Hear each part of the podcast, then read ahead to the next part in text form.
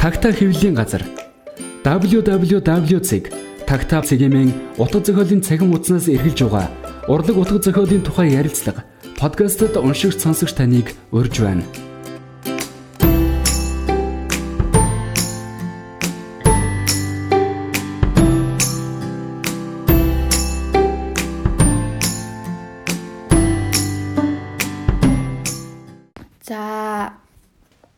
Хүүх подкастын маань өнөөдрийн дугаараар бид нэр саяхан манай тагтаа явдлын газраас хэвлэгдэн гарсан нэрс зохиолч Пүрвжийн баяр сайхны сармагчин бол сармагчин шилмэл бүтээлийн төврийн тухай ярих гэж байгаамаа.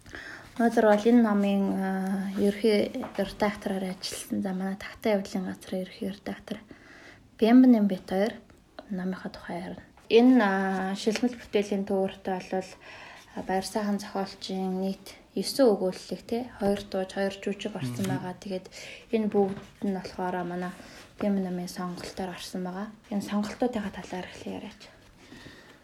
Зя сонголтууд дээр их олон асуулт ирсэлтэй гарсныхан дараа тандыг мэддэг хүмүүс уншсан хүмүүс яагаад заавал энэ өгүүлбэрүүдийг сонгосон бэ гэдэг асуултыг тавьж ирсэн.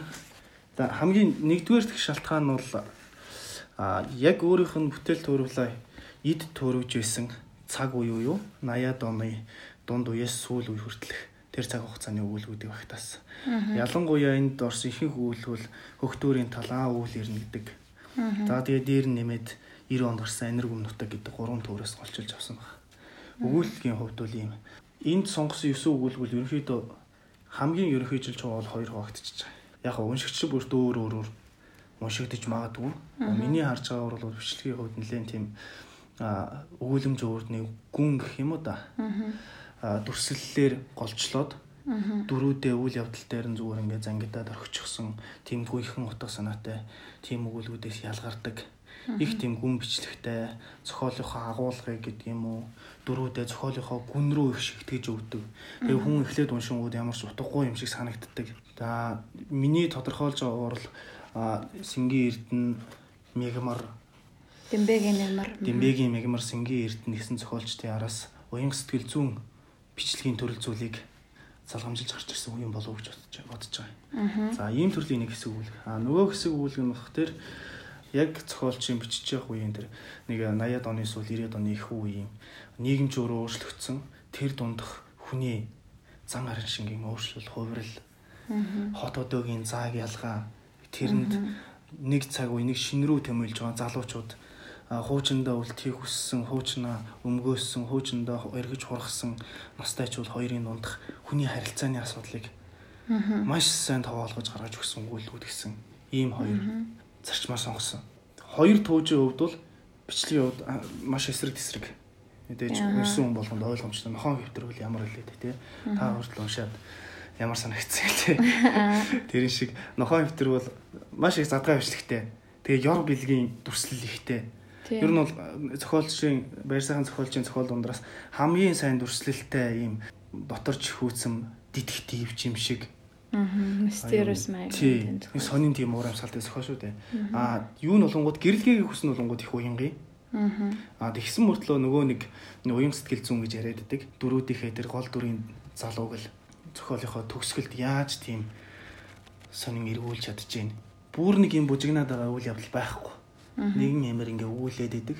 Өгүүлж өгүүлж өсгөлхөө төсвөл яаж эргэлт ийгээд яаж тэр дүрээ уншигчийн сэтгэлд аваач нааж чадчихээн гэдэг нь маш гайхалтай. За хоёр жүжиг бол жүжиг дээр бол нэг хайхтар сонголт байхгүй. Ерөн зохиолч хоёр жүжиг ба хөнгөрөөс альбин гэсэн. Хоёулаа драмын театр тоглогдчихсэн юм билэ.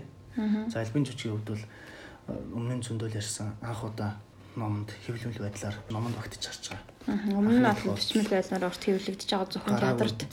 Сэтгүүл дээр нэг ганц хоёр гарсан юм шиг үлээ. Ганц ганц хоёр ч гэж нэг удаа цог сэтгүүл дээр цуурлаар гарсан юм шиг үлээ. А сонин дээр гарч ирсэн байж магадгүй. Тэрнээс үлийг ном номонд ингэ шин ном хэлбэрээр хэлэгдсэн тохиолдол байхгүй. За хүн өрөөсөө мэдээж гүн ертөнц гэдэг төвөрт нь багтсан байгаа. Сонголтын хувьд юм шүү. Бид нар яг энэ номоо ялангуяа да шинээр өсөж өндөж байгаа залуу уншигчтай зориулаад байгаа штэ. Нойлон гаргас төрөөс сойрхол зохиолч Норвегийн тэжээвэр тэргүүч шүлмэл бүтээлийн төвөр. За энэ Пүрүжийн байр сайхангаа сармчин бол сармчин шүлмэл бүтээлийн төвөрийг яагаад вэ гэхээр одоо Монголын уран зохиолын нэгэн цаг үеийг өнгөлж явсан энэ гайхалтай уран бүтээлчид одоо 90 он гараад одоо ардчилсан нийгмийн тэр хөдөлгөөн бужигнааны явцад бас нэг уншигчдтай төдийлөн яг хүрх өстөд чинээгээр хүрч чадлаггүй жахан бүтээл төөрүүлэн замхарсан тал бий. Тэгээд тэднэрийг нөхөн сэргээж те одоо нөхөж уншуулах ийм л зорилготой. Тэгээд Пүрүжийн баяр сайхан гэж хүний тухай энэ хөр нь ямар хуу зохиолч байсан, ямар ямар бүтээлтэй юм тэр тухай нариул. Гүн ертөнцийг уншсан хүмүүс бол мэдчихэл байгаа. А радиогийн гаралтай унштай радио ажиллаж байсан. Тийм Монголын үндэсний радио одоогийнхоор үндсэн мэрэгжил нь бол гидротехникийн инженер гэдэг мэрэгжилтэй юм билээ. Би бас сүүлд л олж мэдсэн л те. Өмнө нь анзаарахгүй явж байгаад. Тэгээд гидротехникийн инженер мэрэгжилтэй байжгаад мөсийг мөсийг лөө тэгж жаад мөсийн утга зохиолын нэгдлэр дамжаад тэгээд эхлээд яруу найргаар уран бүтээлээ эхлээд дараа нь өгүүлэлийг бичээд яруу найргаас илүү өгүүлэлийг амжилт болж яг 80-ад оны их үед л цог сэтгүүл утга зохиол урлаг соннон дээр өгүүлбүүд нь хэвлэгдэж гарч ирсэн. За уран бүтээлийн тухай гэх юм бол бид нэр түрүүн төр сонголтын дээр нэг юм нэмж хэлэхэд зохиолчийн гаргасан бараг бүх номыг олж үтсэн байх шүү тий. Бүх номын сангууд руу хандаад тэгээд номын сангуудаас бүх номын одоо хотын онгоо арманы хүртэл авчирсан. Тэгээд хүүхдүүд нь бас их тусалсан ингээд энэ тэндээс шүүгээд бүх номнуудыг авчирсан. За яг хуу 1986 онд А өвлөр нь гэдэг анхны төврээ гаргасан юм лээ. Тэгээд дараа нь 88 онд хөх төрийн талаа гаргаад 90 онд анираг өмнө нутаг минь тэр жилээ туужийн төвөр гэрэл гэлээ хүссэн гэсэн нэртэй туужийн төвөр. Тэгээд нөгөө хотын он гараа маань. Улаанбаатар хотод зориулсан баг цорын ганцаар маань гэж хэлж болохоор тэр бас их сонин бичлэгтэй зохиол штэ. Бид нар үл яг нөгөө богино хэмжээний хүрэнэл зохиолын хэмжээнд төвөрлж байгаа учраас магадгүй дараа нь боломж олдвол хотын онгор маныг ер нь зохиолчийн цорын ганцаар маань гэдэг. Гэхдээ уншигчид нэг мэдэхгүй байх. Магадгүй боломж олдвол бас энэ арманы хүргэх боломж байж магадгүй. За тэгээд гүн ертөнцийн сүлд өмнө гарсан бүх бүтээлүүдээ эмхтгэж гаргасан өөрөө амьд сэрүүн байхдаа эмгтгэл маягаар гаргасан ийм төмөр. Одоо гүн ертөнцөл хамгийн их уншигддаг да уншигчдын дунд мэдэх бах. Хөх гадартай тий хөх ногоон гадартай. За тэгээд хөхөөсний нур хөлгөө гэж нэг кино байдаг. Тэр киноны зохиолыг бичсэн. Чонын домог болоод хүн гөрөөс альбин гэсэн. Чонын домог бол балет хэлбэрээр бичигдсэн байлээ тийм цомл маягтай. За хүн гөрөөс альбин хоёр жүжиг. Энэ Баатар найруулагч болов Хин блэ Дорсон богоо юу? Дорсон богоо найруулсан. Дорсон богоо театрын пьесны хоёулын би найруулж тавьсан юм блэ. За ийм байдалтай зохиол бүтээлийн хувьд бол сэтгүүл зүүн хувьд бол том байсан бох. Тэрийг одоо та сайн мэдэх бах. Радиод ажиллаж байсан тий. Тэгээд тэр хөвсгөлийн тухай болор тунгалаг хөвсгөл бохирдох хэсэг гэдэг зурлал бичээд тэр Global 500 гэдэг олон улсын сэтгүүл зүүн дээд чаглалыг хүртэж байсан юм шиг. Тэр радиог таал тэр намтаа тэр юм сайн мэдэх бах тэр үеийнх нь. Тэр би одоо тэр үед чи баг төрөвч байсан баг. Тэгэхээр ер нь хамт ажиллаж исэн хүмүүсээсээ дуулж байхад бол сэтгүүл зүйн тэр алуулсан том шагнал хүрсэн. Тэгээ 89 оны үе гэдэг чинь нөгөө арслан хөдөлгөөнд өрнж байсан үе. Тэр үед одоо энэ арслан хөдөлгөөнийг идэвхжүүлэхэд маш хүчтэй өөрөг нөлөө бүхий үйл явдал болсон тэр нөгөө Монголын залуу уран бүтээлчдийн чуулган гэж болсон юм шиг байгаа. Тэгээ тэр чуулганд маш идэвхтэй оролцож тэгээд энэ чуулганд оролцсон шалтгаан нь болохоор тэр хөвсгөл далай гэтэл нэг уурах орох гээд байсан шүү гэн тэр үед тий. Далай ээж цаазын давцна гэд балдорж байгаа нийтлэл энэ тэр гарч шуугуулж исэн тэр үед чинь тий.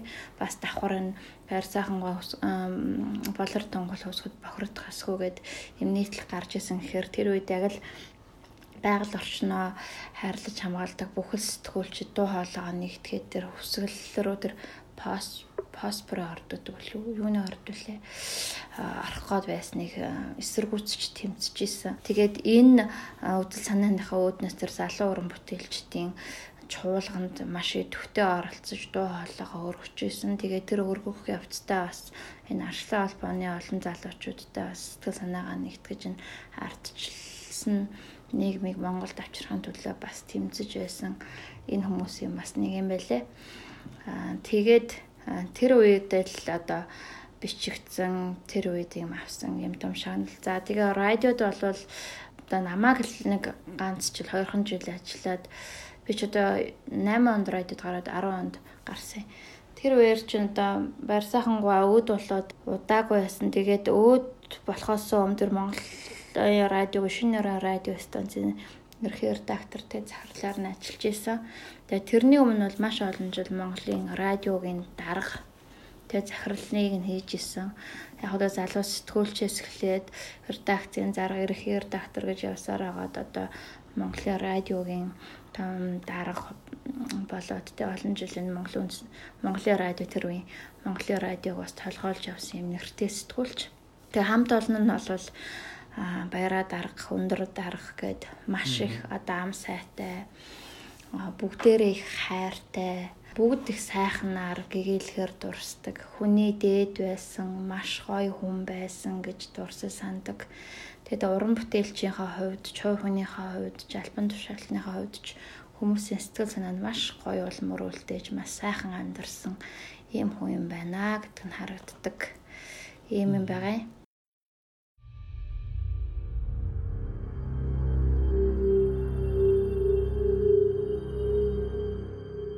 Би эцэст нь өөрийн шашнаа олсон билээ. Ном миний шашин, номын сан миний сүм хийд болсон. Жан Пол Сартр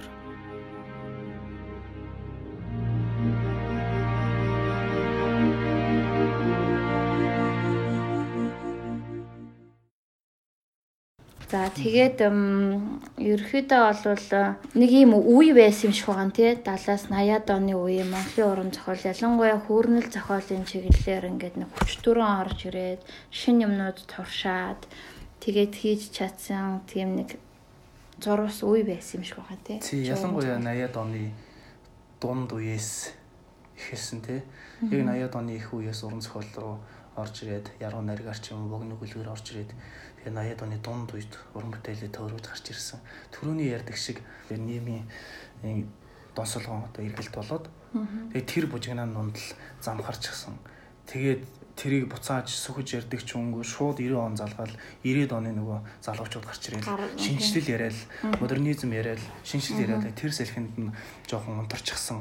Ийм нэг хэсэг бүлэг хүмүүс байгаа болов уу гэж ярьдаг. Одоо жишээлбэл одоо талхаагийн норов Дор цовдын инх Дор цовдын инх бол Пүрвжовын баяр сайхан. За тэгээ одоо төрөж байгаас долгорын цэнт жав гэдэг юм уу энэ хідэн галз зөгтэй бичдэг нэгэн үеийн галз зөгтэй бичдэг зохиолчд байсан ба. Тэгээ эднэрийн нэг ялгарх онцлог нь миний хувьд зүгээр зүгээр он зохиол хүрээлнийхээс үзэл сонсож байгаа тухайсан бичвэр шүүмжүүдийг харж байгаа ч гэсэн энд бол зохиолоороо тухайн зохиолоороо ямар нэгэн бүүн болсон гэдэг юм уу уншигчдын анхаарлыг татсан ийм зохиол бас илүүтэй энд жинхэнэ нөгөө уран зохиолын бичлэгийн туршилтууд явагдажсэн. Одоо жишээл Норвегийн бахын тэрх хэдэн өгүүлэлэг тижээвэр орлогч гэсэн хоёр тууж бол одоо бичлэгийн хувьд маш өрмөц штэ. Энд чинь өөрөө нөгөө зохиол гэдэг нь зөвхөн уншдаг юм гэдгээс гадна уран зохиолынхаа үндснийхээ уран зохиолын хөгжилд зохиолч өөрөө ямар хөв нэмэр оруулсан бэ гэдэг асуудал. Тэгээд үзэнгүүт жишээ нь баяр сайхан зохиолчийн тэр өгүүлэлгүүд ямар хөв нэмэр оруулсан тэр хөгтүүрийн тал гэдэг. Тэр уянгийн өгүүлэлэг юм шиг мөртлөө сонсонгууд ингээл нэг лувсан нь талаар яваал цах хязгааргүй талаар лувсан үг яваал ингээ өгүүлэмж нь хөрөөд байгаа юм шиг хэрнээ цаана тэр дүрийнхээ сэтгэл зүг ямар айхтар шагилсан байна уу? Зүгээр л үг хэлээл ингээл нэг талаар яваал замдаа нэг нэгдлийн машинтай уулзаал нэг хөгшний төч бол халамц арх уугаал тий. Ингээл яваад идэг. Тэгээ яг уншаад дуусны дараах тэр лувсан үхний дөрвөл бүр ингээд хүний сэтгэлд яг цуг тэр өвгөнтэй шогсож явсан юм шиг юм болдог байхгүй. Тэгэхээр тэр л нөгөө дүрээ хэрхэн амьдруулад амьдруулахаас гадна тэрийг өөрөө сэтгэл зүйтэй болгочих байхгүй.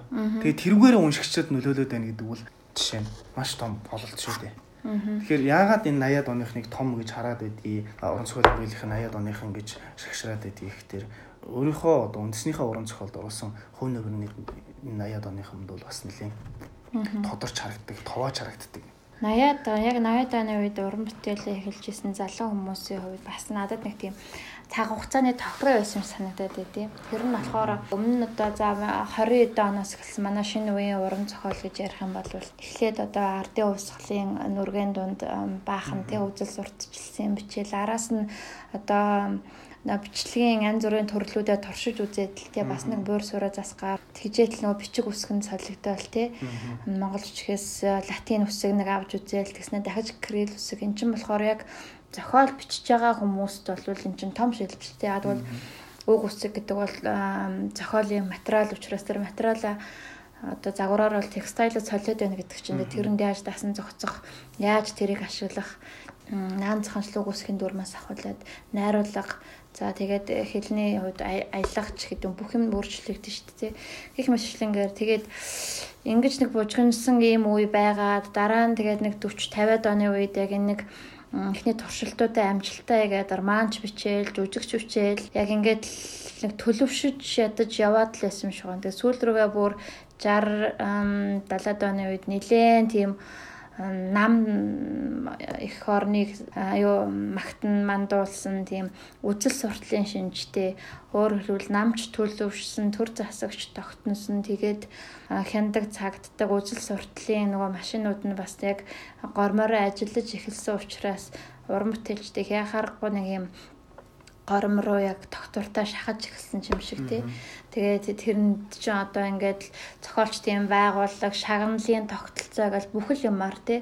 Намын гişүнчлэл гэж бүхэл юмар ингэж зохиолчдыг шахаж шавдуулж байсан болохоор яхаарахгүй нэг тийм үзэл сурталчилтын төрөлөг яваад байсан. Тэр дунд шинх юмнууд төрсөн нь ч би л дээ. Тэгтээ ерхий нэг тийм дүр зургана. Гэвтэл 80-аад оныхон гэдэг бол Оросд перестройка эхлээл те. За ер нь социалист нийгэм чинь бидний хөгжлийн зам мөн үү биш үү гэсэн нууцхан жолтгой хардлах хүмүүст төрөөд л те. Ер нь эн чин задраад унчих гээд байгаа юм биш үсттэй ч гэдэг юм уу те. Залуучууд илүү жахан зоригтой зориг ороод ч гэдэг юм те. Өмнөх бас туршлагууд нааш яаж одоо ингээд өмнөх үеийн сайхан уран бүтээлчд нь намын дуу хоолой болж яваан байгаад яваан байгаад эцээ эцэд яаж уналтанд орж ийн гэсэн юмнуудыг нь өөртөө нүдэрээ бэлхэн харчихсан болохоор шин юм турших шин нийгэм эрчих юм биш үстэй солигдчих юм биш үстэй гэсэн гордлох ч юм уу эсвэл одоо нэг тийм зүүн те байгаад тэгээд ер нь зоригтой зоригтой туршилтууд хийж эхэлсэн юм шиг байгаа. Нөгөө талаас тэд нарыг бүсч байсан юм нөхөр тэр үед чинь стил бас нөгөө нэг социалист нийгэм нь хിവэрэ байсан бүтцэн хിവэрэ байсан болохоор тэднэрт заавал ингээл арилжааны одоогийнх шиг тий арилжааны ашиг хөөгөөл амар одоо олон сая төгрөг олох уншигчдын анхаарлыг татсан тийм юм хийх шаардлагагүй бүтцээр одоо зохиол бүтээл нь яваад хэвлэгдчих юм чинь үү? Босолдохгүй л үзэл сурталаар шахагдчихгүй болвол тэг хэвлэгдээд одоо хэдэн мянган хувь хэвлэгдэх хэдэнд хүрэх нь бол нэг төдийл хамаагүй шүү дээ. А тийм одоо зах зээлийн гэхүү дарамт байхгүй учраас шинхүү нөгөө уран зохиолдоо үйлчлэх тэрнийг уран зохиолынхаа үн зэнд үнэнж байх ч гэдэг юм уу тийм илүү хандлага энэ залуучуудад илүү байсан юм болов гэж анзаарагдаад байдаг тий. Одоо жишээ нь баяр сайхан гонор 50 л гэдэг үгүүлэг тий. Норохын тижээ орлогч гэдэг цуврал хоёр тууж тий. Эдгээр чинь хараад үсгтэл тэр нөгөө нэг нийгмийн ямар нэгэн ягшмал баригдмал зүйлээс сугарч гарсан эсвэл тэр нийгмийн баригдмал ягшмал араа соёонд хэрчүүлсэн тэр хүмүүсийг л төслээд байгаа хгүй. Яг үндэ тэр үеийн уншигчид магадгүй одоо анзаарч харах сөхөөгүй байсан бахал да цаг үе нь ямар байлаа тий. Ер нь бол ном уншихаас илүү ганцхан 8 хийх нь л чухал үе байсан бахал да тэр үе л. Тийм учраас анзаарч хараагүй байж магадгүй. Тийм тэгээ түрүүн нөгөө нэг уншигчтай эргүүлээ сануулах гэдэг ингээд яагаад тэгээд гэдгийг учир нь ямар нэгэн бүтээлч одоо уран бүтээлч хүн бүтээлээ бичиж яхад тэр хүний тэр хүнийг тэр уран бүтээлчийг урдах нь уу ахмад нь уулгалан авч уншдаггүй угаасаа уншдаггүй тий? Тоодгүй. А нэгэн үеийнх нь бас уншдаггүй тэр хүний тий винийгээ даалмуураа алгадал инэ чанаагаад явж гэнэ хөөс ингээд л одоо яг зохиолчийн хувьд ч уран бүтээлч байгаа хувьд тоогоол ингээл уншдаггүй шүү дээ. Нэг үеийнх нь нэг нэгэндээ уншдаггүй. Тэр хүний уншигч нь ард нь явж идэг байхгүй 10 жилийн хойно ч юм уу 20 жилийн хойно. Тэгтэл яг энэ хүмүүсийн яг уншигчт нь тэр үед 90 он гараад ганцхан 8-нд явцгаацсан байхгүй. Тэгээд эднэрийг уншиж явах хэвээр тэр үеийн ганцхан 8-нд яваад тэгээ ямар ч уншигчгүй үлдсэн байхгүй энэ хүмүүс тийм болохоор одоо бид нэр эргүүлж хөвлээд эргүүлж сануулад ингээд байгаа юм а. Нэгдүгээрт хоёрдугаарт болохоор нөө цаг хугацаагаар юм чинь нэг нэг шалгагдаад ирэхээр нэг дүн ста устаас нь ялгараад ирдэг шүү дээ тий. Тэгэхээр одоо эн чинь 80 оны ямиг одоо 2018 бараг 20 он гэдэг чинь 30 жилийн дараа яаж ин гэдэг чинь нэг дүн тавьчих болохоор хугацаа л да тий. Ийм хугацаа туусны дараа шаад үцхэд одоо үн цэнэ алдаагүй байна гэдэг бол яхаарахгүй бас юм хийж байжээ, хийсэн байжээ гэж дүгнэгдээд байгаа тий. Тухайн нийгмээ бас нэг ёлжсэн яасан юм яваад байдаг тий. Тэр тэр нийгмийнхаа дүр төрхийг анзаарсан юмнууд бас яваад байдаг гэд тэгж хэллээ штэ. Тэр бас надад яг үнэн санагдлаа. Яагаад гэвэл нөгөө миний хамгийн дуртай өгүүлэг 100 жил гэдэг нэг өгүүлэг байдаг шүү дээ. Тэгсэн 100 жил дээр нөгөө нэг нэг залуу эмнэлэг твтээд Тэгээ эмнэлэг твцсэн чи одоо одоо бараг л өөхөх хөвчөнтэй юм байна гэж онцлоо тий. Тэр хүнийг хөлдөөч хийгээд тий. Тэгээ чамайг 100 жилийн бид нар эмчилж чадахгүй юм чинь 100 жилийн дараа хүмүүс гаргаж ирээд тэгээ эмчилж чинь үзгээл тий. Тэгээд тэр хөлдөөчийгээд тэр хүнийг э, хөлдөөгчөнд хийж явах э, хийж явах үед тэр хамт хөвтж хөвтөн эмчлүүлж байсан хүмүүс тэгэл ээж нь тэгэл найз хүүхэн хурж ирээл ингээл өөрийгөө бужигнаа шуугилдаан болж байгаа нэг тийм хэсэг байгаа штэ тий.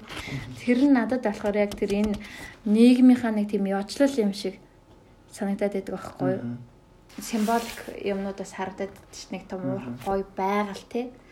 Ханан дэлгүүтэй байгалийн зураг тий тэр хүний бид нэр чамааг яаж эмчилж чадахгүй тий 100 жилийн дараа л яана үз гэл нэг тийм дараа үед нь ингээд даатгаад орчихъя гэд.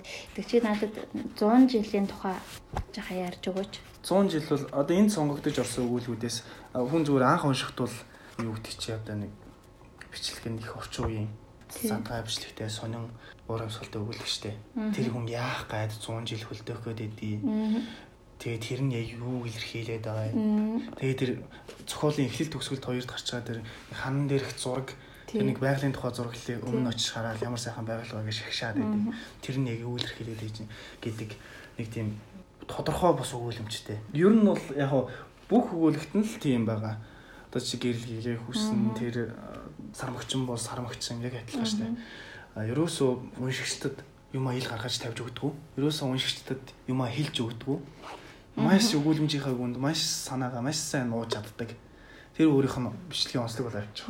Тэгээ 100 жилийн тэр насан хөлдөөгөөд байгаа тэр өгүүлгийн өгүүлэмжийн гол юм нь ерөөсөө эмнэлэг цог хөвтөж байгаа тэр хүмүүсийн харилцан яриа байгаа шүү дээ тий. Тэндээр тэр нийгмийн хүмүүс тий яг яаж амьдрээд байсан тий. А гэтэл энэний дараагийн дараагийн цаг үед юу өрнөх юм? Насан бол ирээдүйн цаг үе яваад байгаа байхгүй юу? Магадгүй уншигч болгонд өөр өөр уншигч магадгүй. Миний хувьд бол насан бол ирээдүйн цаг үе байгаад байгаа. А гэтэл яг одоо цаг нь бол тэр эмнэлэг дотор өгнөд байгаа байхгүй юу? А гэтэл тэр ханан дээр байгаа байгалийн зураг гэдэг бол нийгмээс одоо ямар ч нийгэм ямар ч хүмүүс айж турж исэн бай тэрийг айв анхид байх мөнхийн хөдөлгөөнгүү тэр байгаль тэр мөнхийн цаг хугацааг л зөвгнөд байгаа юм шиг надад санагддаг. Тийм надад бол заримдаа нэг утопч юм шиг. утопч юм шиг нэг тиймэрхүү цаг хугацааг зөвгнж байгаа юм шиг. Газрыг ч юм уу Тийм санагдаад тэр байгалийн зургал. Аа гэтэл бас өөр нэг санааны өгтөр тэр имлэг бүхлээрээ тэр хуучин нийгмийг төлөөлж байгаа бол тэр ямар ч амгүй юм байгаа байхгүй юу?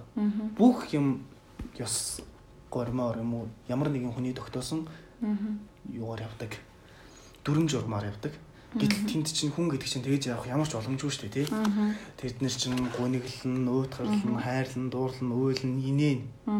Гэтэл яг тэр зарчмаар яваад байна гэдэг хамгийн боломжгүй зүйл байхгүй юу? Аа тэр байгалийн зураглал хүний нөгөө байглаас өгсөн зүн мэдрэхүй тэр гуниглал дотоод сэтгэлийг сэтгэл хөдлөлийг илэрхийлээд тэр байглаас төрсэн амьтан чи ямар нэгэн амьтай л ээж дараа штэ. Гэтэл тэр эмнэлэг дотор бол ерөөсөө тийм амьтай зүйл байхгүйгээр амьдрал өрнөд байгаа байхгүй юу? Тэгээд насанг 100 жил унтуулчих.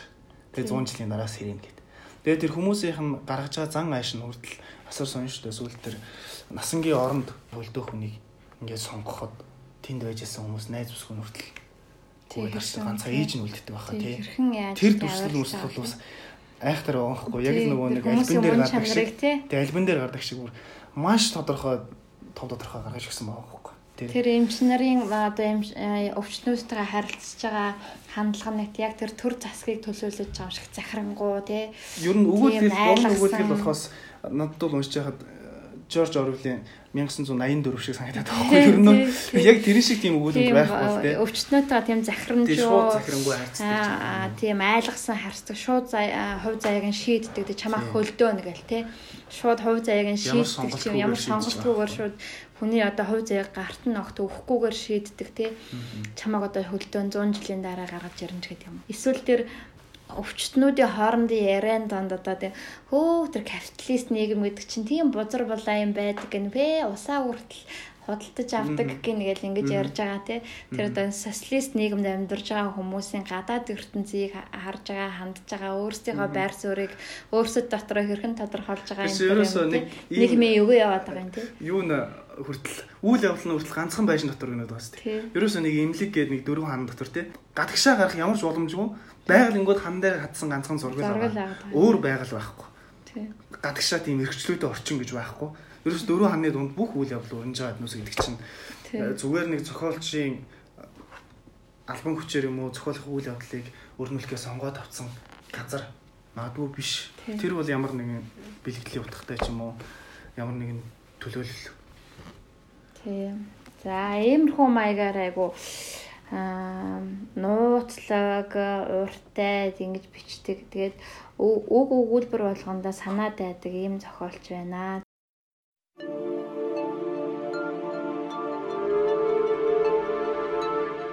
Зугаацах гэж, сургамж авах гэж, мундаг болох гэж бүү унш. Амьдрах гэж унш. Густав Флавер М,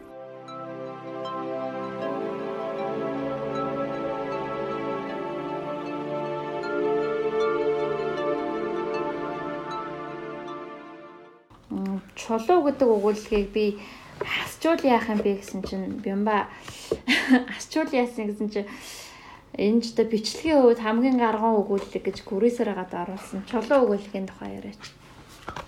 Ни цээжэрээ хамгаалж яж авч утсан. Цээжээр хамгаалж авч үлдсэн өгүүлэлэг тий. Ганц өгүүлдэг Би болохоор дараа нь бямбаг ярьсан чинь нэрэж тийм юм байна да. За би бас нэг дутуу уншчтэй гэж бодсон шүү. 80 80 дугаар утасн дээр байгаа тий. Энэ нэг яг гоо ягаад би бичлэгийн хувьд онцлог гэсэн ихтэй нэгдүгээрт зохиолын үйл явдал ерөөсөө тэр байрд гэдэг хүний оюун санаанд л өрнөдөг. Тэр хүн нэг ганцхан сумын төвийн одоо чинь агентийн нэр авч агентийн тий. нэр ав тий. Агентийн нэр мэрэгчлээ. Тэгээд тэнд нэг бас гойд нэг үйл үйл явдал ерөөсөө өрнөхгүй. А тэгсэн хэрнээ бүх үйл явдал нь барьдын оюун санаа дотор өрнөдөг. Тэрнтэй уулзаад тэгчүүл яах бол тэрэнд тгийж хэлчүүл яах бол тэрийг тэгээд хийчдэг байж уу? Энийг ингээд хийчдэг байж уу? Тэгээд зохиол эхлэхдээ бол шал өөр юмнаас эхэлж байгаа шүү дээ тий. Тэр нэг юунаас гүүрээр хүн гарч чагаад осолцсон тухай өгүүлэмж эхлээ цаашаа явж байгаа. Тэнгүүтээ барьдын оюун санаандах ерөөсөө бодол эрх зүйл өстой нөгөө ухамсарын усгал гэж бичлэгийн нэг хэлбэр байна шүү дээ тий а яг ухамсар дотор урсж байгаа тэр бодлын бодлоор олвож утсан. А тэгээд яагаад тэрэн сони юм бэ гэхээр энэ чулуу гэдэг өгүүлэгт тэр чулуу молуу гэдэг юм нэгж сонирм биш. Нэг хүн өдөрч унсан ганцхан үйл явдал нь тэр чулуутай холбогдсон. Яасан гэхээр тухайн суманд ирсэн нэг эмч гоё хүүхэн ирээд тэгээд тэрний өмнө сумын төвийн одоо тэр бригадын төвийн хамаг ирчүүл нүд унгаал. Тэгээд хашир хашир барьд ч гэсэн бас барь залдаад тэгээд нүдэн дээр нь чулуун дээр бодроод тий эмчтэй тааралдаад нүдэн дээр нь бүдрээд унтчих. Тэгээд тэр бүдэрч унсан газараа хашир бас л бодож байгаа байхгүй юу? Би яагаад ингэ унч юу? Ямар одоо ичвэртэй юм болч юу? Ядаж энэ эмчийн өмнө унахтаа ч яах вэ? Тэгээд Тийм. баахан юм бодоод яг бүдэрсэн газараа очиод үзсэн чи юу ч байхгүй. чулуу ах. Тэгээд тэр чулуу юу юм бэ ингэнгүүт чулуу ч нь өөрөө тэр барьдын дотор байгаа асар олон бодол сэтгэл зовж байгаа асар олон зүйлд сэтгэл санаа зовдөг те? Янз бүрийн эрх зүйлдэг те? өөрөө өөрийнхөө бодолд бүдрээд байгаа хгүй. Тэгээд энэ тэр бодолд бүдэрч байгаа гэдэг зүйлийг ганцхан тэр эмчийн өмнө цулгуу газар бүдрээд унтж байгаа үлэмжээр маш гоё зангидчих гэсэн. Тийм учраас ерөөсөө тэр үйл явдлаар хөөцөлдөөгүй яг зохиолж байгаа баатрынхаа бодол санаанд санаагаар дамжуулаад тэр зохиолынхоо үлэмжийг а, одоо цангидж өгдөг. Тийм учраас энэ үүлгийн одоо бичлэгийн ур маяг нь бол нэгсэн үүлэг дотор хамгийн онцлогчтой л гэж би үзээд байгаа юм л да. Та тоохгүй л гэсэн. Сүүлд нь би за за за нэрэж тийм юм байна Тиймээс да өмнөдгөл үгэндээ би тэр чулуу үүлгийн албаар оруулж гисэн шүү дээ. тий. Ингээд тоохгүй байж. Наваа хасгаас яасан чинь чулууныхаа тухай амар хөөргий битсэн байсан. Тэргээр тэр чулууга жишээ авч бичиж байгаа байхгүй. За за тэгээд ерөөхдөө бас ам, Пүржүүн баяр сайхан гуан зохиолуудыг ингээд ерөнхийд нь харахаар нөгөө төрөний ярддаг хот хөдөөгийн ялгарл за магадгүй нүүдэлчин гэргшлээ суурин гэргшлөрлөө сэлжиж байгаа энэ үйл явц те тэн дундаас гээгдэж үлдэх гээд байгаа юмнууд те мартаж болшгүй юмнуудаа ирсэн тэмтэрсэн тэндээсээ зуурсан нэг тийм монгол хүний санаашрал те юм гоногод яваад байдаг. А дээрэс нь болохоор энэ ахмад хүмүүс болоод нөгөө залуу хүмүүсийн хоорондын ертөнцийг үзэх үзлийн зөрчилж гэдэг юм уу те? Шин юм болоод хуучин юмны одоо хоорондын ангал зайн завсар дунд одоо бас э, унчих гад байгаа одоо бидний мөнхөд авч үлдэх өстой үн цэнтэй зүйлүүдийн тухай ингэж яриад байдаг те? А тэр нь явж явж яг Монгол хүн гэж ямар хүн байдیں۔ Ер нь ямар хуу одоо цаан төрхтөө авир ааштай ямар хуу түүх туулж ирсэн ямар хуу соёлтой ийм хүмүүс байдгийг. Ер нь энэ монгол хүн гэж нэг тийм ойлголт байлаа гэхэд тэндээс бид нэр ер нь аль зан чанарыг нэр нэг авч үлдэх ёстой гэсэн нэг тийм ерөөхий бодрол тэр хүнийг олоо ингэн зохиол олон зохиолыг бичгээд ам, хөтөлж байсан юм болов уу гэж дугнагддаг. Тэр нь болохоор надад анзаардаг тэр нь болохоор одоо энэ хөхтөөрийн тал тэр тавиул тэр захиа тий 242 Тийм тэр байна. 242 гэх мэтчлэн тий хот хөдөөгийн дунд хөөрсөн хөвшин залуу хүмүүсийн харилцааны дунд хөөрсөн энэ өгүүлбүүдээс нь маш их анзаарэгддэг тий. Тэгээ ер нь Пүржүүн баяр сайхан гэдэг энэ зохиолчийн уншаад дуусны цаана болохоор юу гэж санагдаад байна гэхээр Монгол хүн гэж нэг ийм юм байт юм байна шүү. Нэг жинхэнэ Монгол хүн гэж нэг ийм л юм байсан юм байна да. Нэг иймэрхүү л зан аран шинтэй арт түмэн юм байна да. Бид чинь гэсэн нэг тийм гоё одоо бүрэн зураг гэнэлт те Тийм. бүрэн зураг буугаад үлддэг те а тэр нь одоо үеийн бидний те бидний үеийн залуучууд бидний дүүнер уншихад их үнцэнтэй юм болов гэж бодоод байгаа юм Тий, Тэгээд- захаа захаа гэдэг өгүүлэгт гардаг нэг юу гэдэг штэ. Захаа гэдэг үйл үйл явдал. Үйл эхлэхдээ аав ээжээс нь юм том маш захиа. их цаасан дээр бичсэн юм бандгар захаа ярьж байгаа тий. Тэрийг арман гэдэг байгаа. Тэгээ хашир авч халаасалчаад манай хөвгчүүдийн армаа тий, ангал төвшөөгөл те тоохгүй тэгээ халаасалчингуудаа гэртээ очиод балкон дээрээсээ тэр авдрыг чулууж. Одоо чи санаж байгаах нөгөө оюутан болох болоод хот руу явхаар тэр өчнөө чамдаа мамдаа гэж юм чи айгу ховор тий одоогийн шиг чирдэг төрдөг дугуйтай чамдаа мамдаа байхгүй шүү дээ. Аауд болгон хүүхдүүдтэй юм сайхан модон банц харуулж жагаад төмрөөр тий сайхан ингээ булангийн м, бүгжлөөд тий маш гоё тийм авдар тус тустай авдар. Хоёр талд нь юм мянсан э, шинжтэй эсвэл суран шинжтэй тус тустай авдар хийж өгдөөс тий тэгээ гоё монгол цоочтой дангилсан. Тэр чинь болохоор хол газар хүүхдээ үдж байгаа монгол хүн тий тэгээд нэг гэр орноос аваад яв- явсан аян замд нь хэрэгтэй бүхэн бүрэн бүтэн очоосоо тэндээ байж байгаасаа гэсэн ч юм уу тий тэгээд хүүхдээ халамжилж байгаа монгол хүний сэтгэл шүү дээ. Тэгтэл тэр аа, оюутан болоход нь аавынхаа хийж өгсөн. Балкон дээрээсээ шидээд тий Лүк гэл унж байгаа. лүк хийлэн шидээл Тэгээд тэр авдар нь эвдэрэхгүй машиныхаа ард хийж аваачаад цуслан дээрээ аваачаад тэгээд сүхээр албаар нүдж байгаа хаалаа хангалаад түлээний мөр хийж. эхнэр мах чан чаны игээд тавиад зүгээр төлөө төлөө хийчих Тэгээд тэр нэг их сонио. Ер нь бол нөгөө бид хоёрын сая ярьсан тэр бид нэр юуг алдаж яваа вэ? Хаашаа яваа гэдэг юм бол тэр өгүүлэг дээр маш тодорхойсон юм шиг санагддаг. Гэхдээ энэ алдаж байгаа юм чинь ерөөс өнөө маргааш л асуудал биш л те. Нэр хин нэгэн орж ирээ ч юм уу, Америкийн соёл ч юм уу, Европын соёлын лөө гинт ингээл хүргэдэл орж ирээл бид нэр Америкч ч юм уу, Европч бол нөгөө уламжлалт юмнуудаа ингээл шууд алдаад тавьчихгүй. Яг тэр захиа дээр гардаг шиг эхлээд бид нар балконоосоо шиддэг. Дараа нь машиндаа аваад хэсэг явдаг. Дараа нь цуслан дээр аваачдаг тий. Тэгээ дараа нь сүхээр балавдаг. Болохгүй бол бүр чанга олгодог.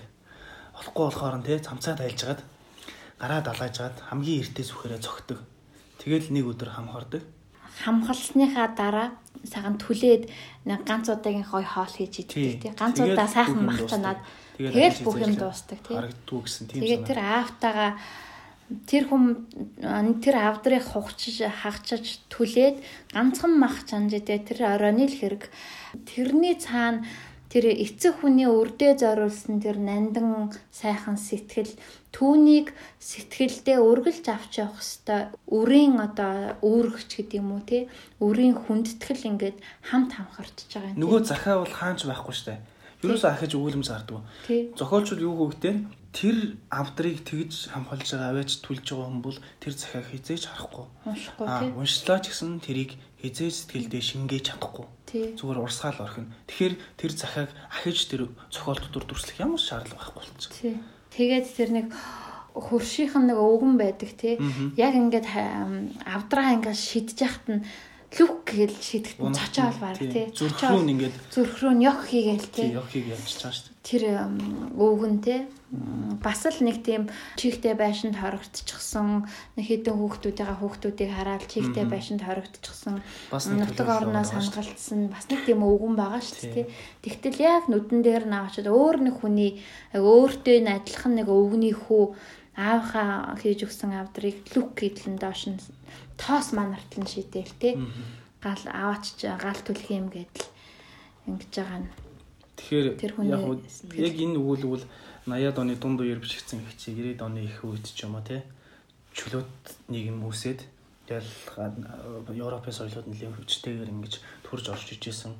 Тэр үед ч юм уу тэр үеийн хүмүүст ганцхан зориулсан те энэ бол урт хугацааны юм байхгүй алдаж гээдэг юм бол урт хугацааны юм. Тэгэхээр энэ одоо 80-ад оны үед бичсэн энэ зохиол өнөөдрийн биднэрт ямар хамаатай юм бэ? Хичнээн цаг үе өнгөрч ирээд нэгдэг энэ бол нөгөө 20 30 жилээр ярьдаг юм биш шүү дээ. Юмыг алдуурч байгаа соёл гэдэг юм уу? Алдуурч байгаа соёлыг гэнтүүд үндэснийхээ үндэс нэгдэг бол зөвхөн нэг 20 30 жилийн цагаар ярьдаг биш. 2 300 жилийн цагаар марх ярих хэвээр тэгэхээр энэ захаач гэсэн яг өнөөгийн бидний төрхөл байгаа юм л та ер нь бол Бид нар бол лүк гэдэл шидэл явж байгаа шүү дээ. Мэдээж өөрөмшүүлж авах юм зөндөл байгаа орч үеийн нийгэмд бол тий. Тэгээ ер нь бол энэ бол бүгдээрээ модон авдар барих гэсэн үг өрөөсөө биш шүү дээ тий. Модон авдар бол энэ дээрээс энэ дэр ямар ч хамаагүй шүү дээ. Тухайн цаг үеийн дээр Тэр модон авдраар одоо бэлэг тэмдэг хийж цаана нүгүүлж байгаа юм л чухал. Тэгээд тэр хүүн аавынхаа хийж өгсөн авдрыг ингээд газар руу лүк хийж шидээд хаглаад түлж байгааг аав нь хизээж харахгүй тий. Аав нь харахгүй. А гэвч хажуугаас нь бас нэг хүн эцэг хүн хараад яг аав шиг нь нурж ийн гэд нурж байгаа байхгүй юу тий. Тэгэхээр тэр хүн харангуутаа бас миний өөр хөөгч ч гэсэн намайг ингэх юм биш байгаа та гэж бодсон ч юм бөлөө тий. Тиймэрхүү санаа ингээд явж идэг хоёулаа нэг бүдүүлэг мэж ам шүү. Спойлер тий. Тий. Ингээ яриад байгаа юм ам хадаад бүх зохиолоо. Бүх зохиолоо спойлер даад тий. Нөө нэг подкастныхаа урд спойлер алерт гээд 5 ширхэг улаан тэмдэг тавьдаг юм уу. За ингээд дахиж юу үйл явдлыг ярихгүй. Хоёр жүжигээр, хоёр жүжигээр ярил Нохон өвтөр бол мэдээж маш сонирхолтой зохиол. А тийм нэг зүгээр яг үйл явдлыг ярихгүй зүгээр дүрслийн ял ярьж болж байна те. Би болохоор нохоо хэвтрийг редакторлаж уншахдаа анх удаа уншсан байхгүй. Өмнө нь ягаад чи энэ тууж бас тойрцсон байсан юм бэлээ. А тэгээд шүн хар дарж зөөдлээд маргааш үлэн чамаг ажилдаа орж ирэхэд чи ямар гэчин зохиол байг ирчин гэдэг. Манай манай аав уншичаад энэ төөрийг эмнэлэгт бичиж байхдаа уншиж чунгата энэ энэ дундаас нь хон хөвтөр шал утгахгүй зохиол зүй гэсэн надад хэлсэн шүү. Тэгээд би бас өөрийнхөө тайлбарыг хэлж өгсөө. Миний хараад наад чи ийм юм зохиолоо. Тийм учраас яг тайлаад үнсний дараа бол наад чи маш одоо бүр бэлэгдлэр сүлдсэн зохиол хгүй юу? Ёр бэлгээр сүлдсэн зохиол, голоор нь уулцсан цаас шиг Эхнийх нь үйл явдлыг дараагийнх нь тэр харагдаад байгаа ёр бэлэгтэн ингээд нугуулхад бараг таармаар ийм зохиолоо гэд. Тэгэхээр энийг бол уншигчид өөрснөө уншаад тайлаад те өөрөнд өөрсөнд ямар сэтгэл төрөх нь үү тэргээр өөр өөрсдийнхөө тайсан дээр бах. Тэгээд тэн дээр нөгөө нэг бас л нөгөө нийгэм нийгмээ ажилласан яжлууд бас бас л давхар явж идэх. Годомжоор амар урт нөгөө нэг оршуулгын цуваа яваал те. Нэг альбан тушаалтны л болцоо те. Бүрөө бөмбөр хангинуулсан бүр айхтар урт цуваа. Тэгээл тэнд нь ингээл одон медаль нь ингрээр дүүрэн л нэг хүн л нэг л оршуулад байгаа юм те. Оршуулж байгаа. Тэр цуваа.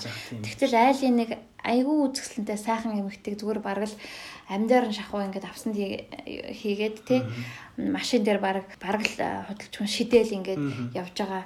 Одоо альбан тушаалтаа том даргын эсвэл ямар ч алдар гайгүй зүгээр л нэг энгийн ардын оршуулах хоёр нэг зэрэг явж идэг шүү дээ. Гэх мэтчлэнгийн иймэрхүү бас нийгмийн ажилд давхар бас явж идэг. Ер нь жоохон зарс юм зөвхөн шүү тий. Зарс юм тий. Тэгээд доктор нь байгаа тэр нэг олон ингээд ёр бэлгээ юмнууд тийм нууцлаг одоо англиар бол mysterious зохиолч гэж ярьдаг. Тийм юмнууд ингээд шүн уншвал бол баг хэрэгтгэж хар дармаар одоо өгүүлэмж болгоно цаана бэлэгдэлтэй ёрлолтой ячтай юм шиг байгаа тийм тэгээ тэгж уншигдахаар. Тэгээ энийг айгуу гоё уншигч болгон өөр өөр хөөрөө тайлж. Би одоо энд нийгмийн ажил байна. Энэ хоёр оршуулгыг нэг зор ингээд зөрүүлээд ингээд явуулж байгаа нь ингээд бас яаж нэг би оршуулган дээр илүү акцент өгöd байгаа байхгүй. Тэгтэл өөр юмн дээр тэр охин дээр ч юм уу те. Эсвэл тэр нохон дээр ч юм уу те. Нохон дээр ч эсвэл тэр нэг өвгөн дээр ч юм уу тэр морин дэрхтэй одоо өвгөн дээр ч юм уу альва акцент өгөж тэн тэн дээрээс утга учир олж харах уншигч байхыг өгөөсөхгүй те.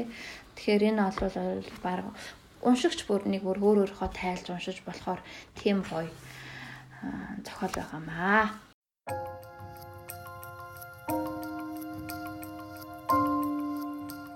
Номыг овоолж байгаад шатаахаас ч илүү долоондор нүгэл бий. Уншихгүй байх нь тэр нүглүүдийн нэг нь. Йосеф Бродский.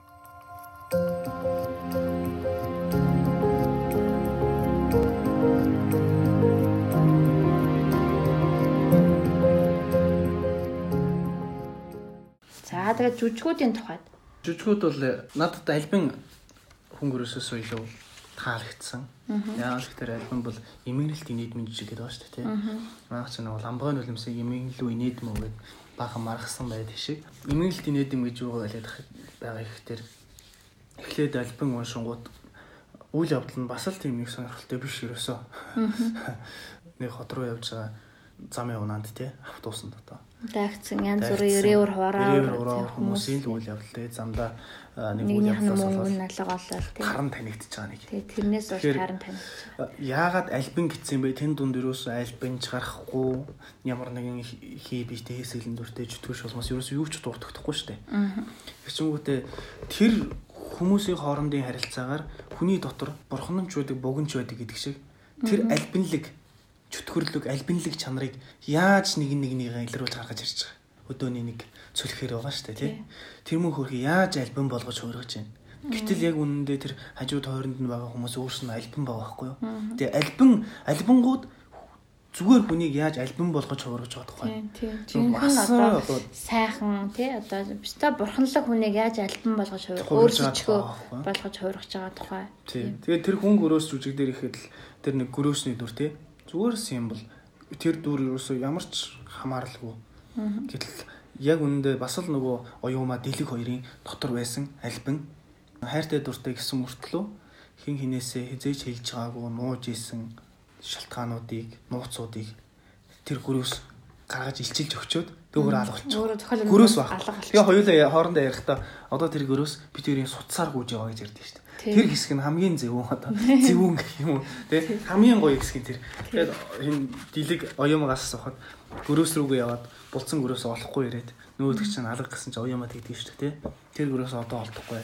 Яа тэгсэн чинь битүүрийн суцсаар гүйж яваа. Тий. Эргээд хүн байсан усууд чинь яг үнэндээ нидэр дээрээ аратан амтан болоод хөрчих жоохгүй. Тэгэхээр ийм байдлаар ерөөсөө үйл явдлыг голчлохгүйгээр зохиолгоо өгүүлэмжийг ийм гоё уран зангидаад тэгээд цаана нь асар том агуулгыг багтааж чаддаг.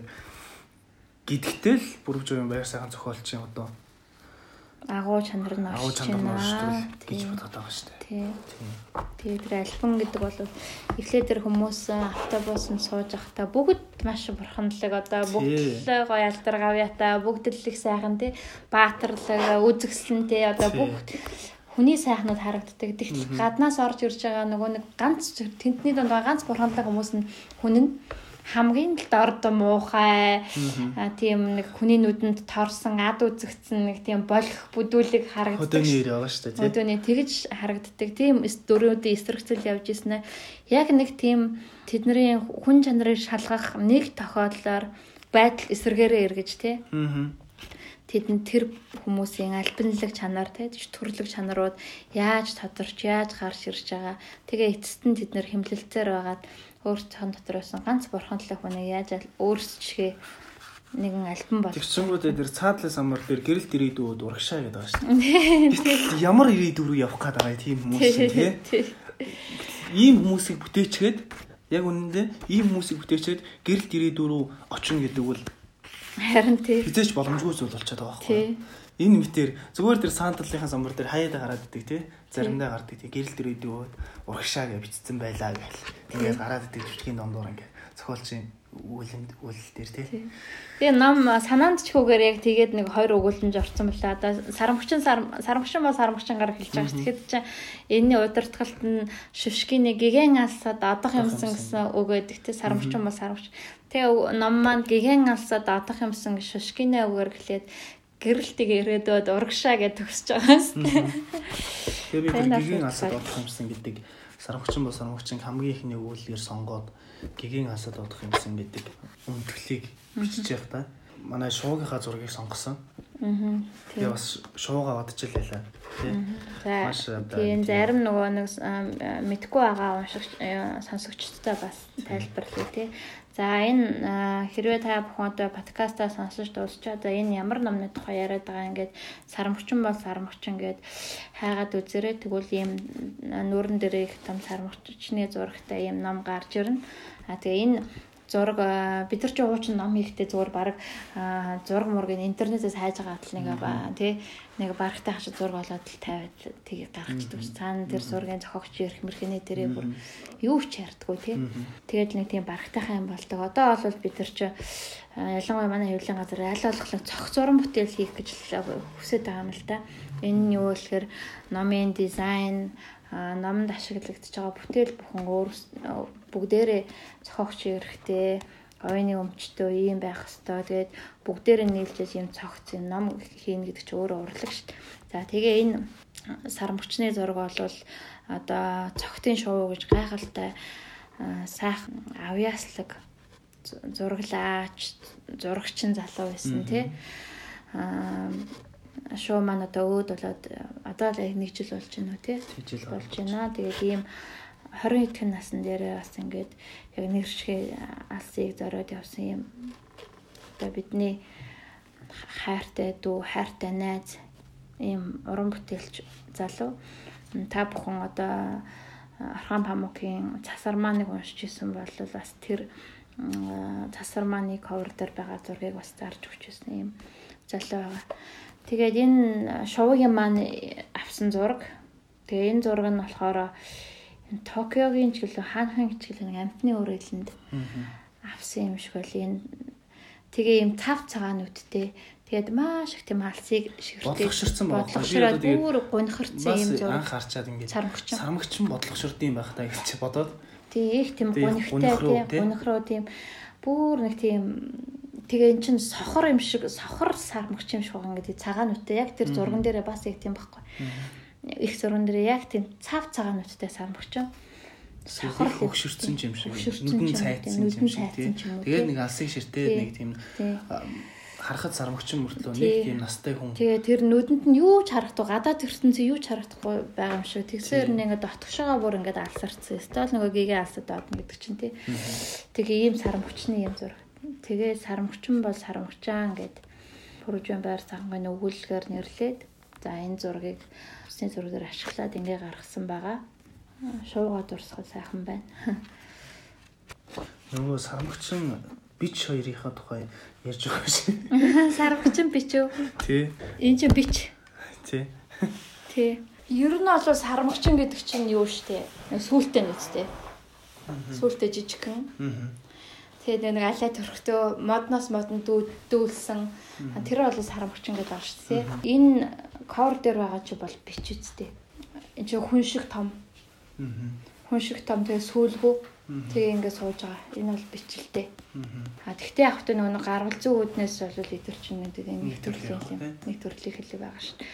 Сармагчин бол сармагчин гэх энэ ковер дээр ингээд яг хоо утга дүүцүүлээд ингээд тавьсан байж байгаа. Тэгээ ерөөдөө ингээд нэг хүн шиг л харагдаад байгаа. Тий, хамгийн гол сонгох шалтгаан ч гэсэн тэр л байсан л та. Хүн шиг л харагдаад. Сармагчин бол сармагчингийн дэлгэчин тэр штэ тий. Тий. Ерөөсө сайхан өнөр өтгөн, элэг бүтэн, сайхан гэр бүл байгааддаг. Гэтэл тэр хүнд ямар нэг юм зүйл дутагтаад байгаа юм шиг. Тэгээд хараа цаад ярьдэн штэ. Тэр хаа олон тэр орон руугаа намайг аваад явж байгаасаа гэдэг ингээд тэгдэг. Тэгээд би бодохдоо бол дэлэг балкон дээр гараад тэгээд тамхи татаад санаашаа зогсож байхдаа яг нэг иймэрхүү төрхтэй байсан болов гэж бодсон шүү. Тэгээд явж явж явж одоо хичнээн альбом тушаал хөөцөлдөөд хичнээн ч одоо олон одон медалаар шагнуулаад тий.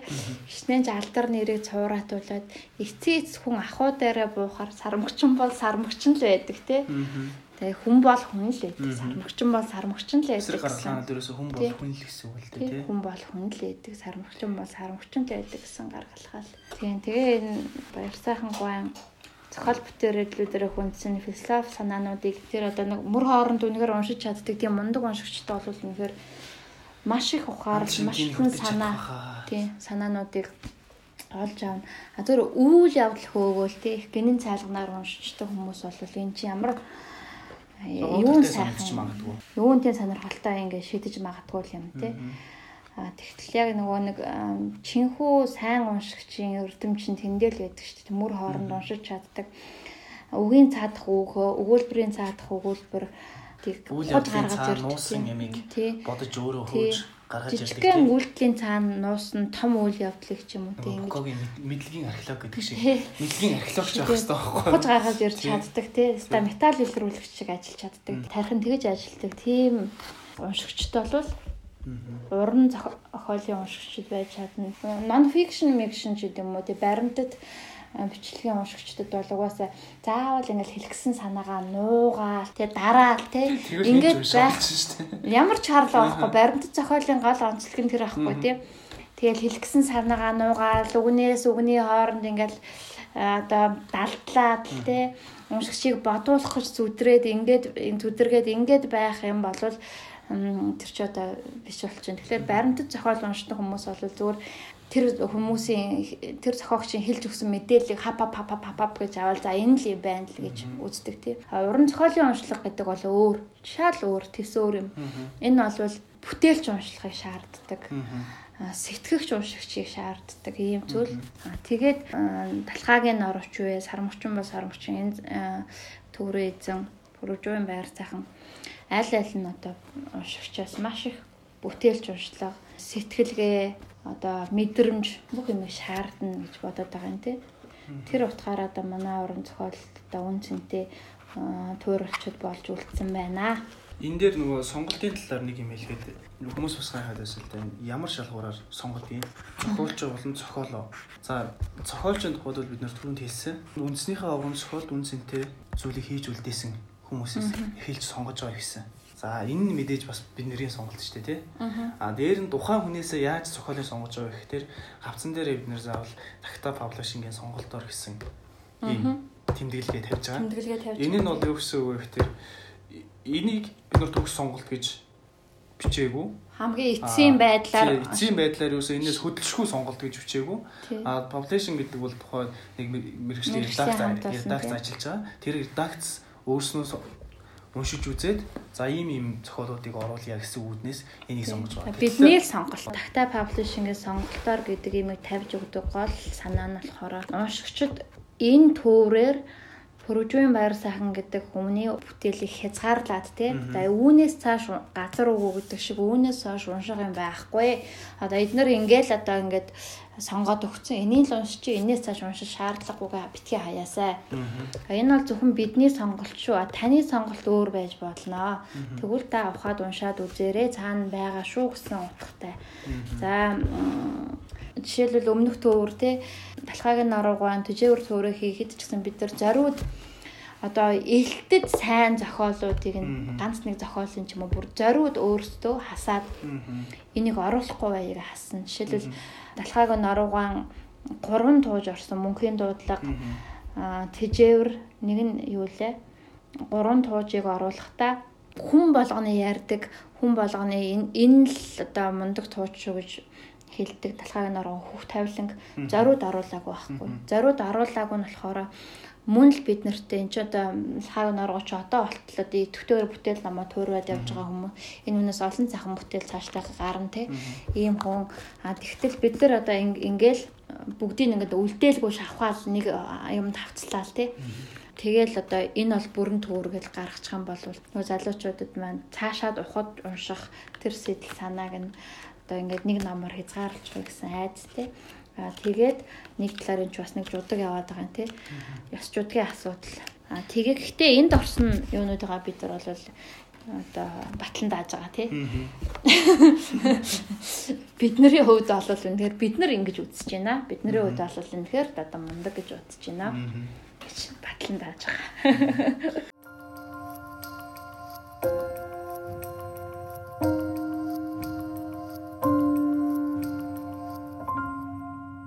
Тагта хэвлэлийн газар. Тулхтаа уншигчдийн цуглах оюуны кафе.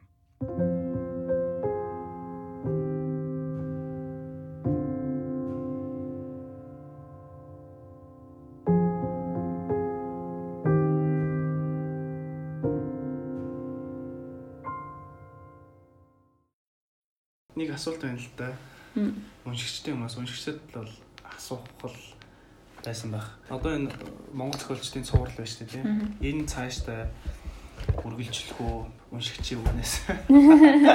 Уншигчдыг асуух асуух гэдэг байгаа надад мэдрэгдээд байна. Одоо манай хэвлэлийн редактор айгүй болон залуучууд ингээл зохиолоо явуулаад армаан явуулаад тууж явуулаад үүлэх энийг уншаад айл гээл тий. Уцаар загнаал. Та нар яагаад хариу өгөхгүй байгаа ингээл тий.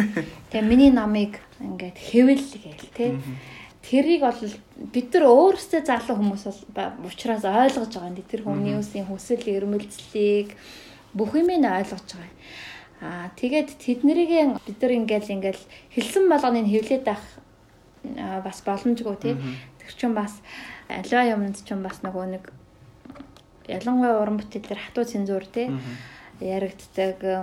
Тэгээ бидний бас редакцийн бодлого гэж байна. Гэх мэтчил ингээ олон зүйлээр одоо яг ингээл нааша явуулсан болгоны хөвлөд өгөх боломж байхгүй.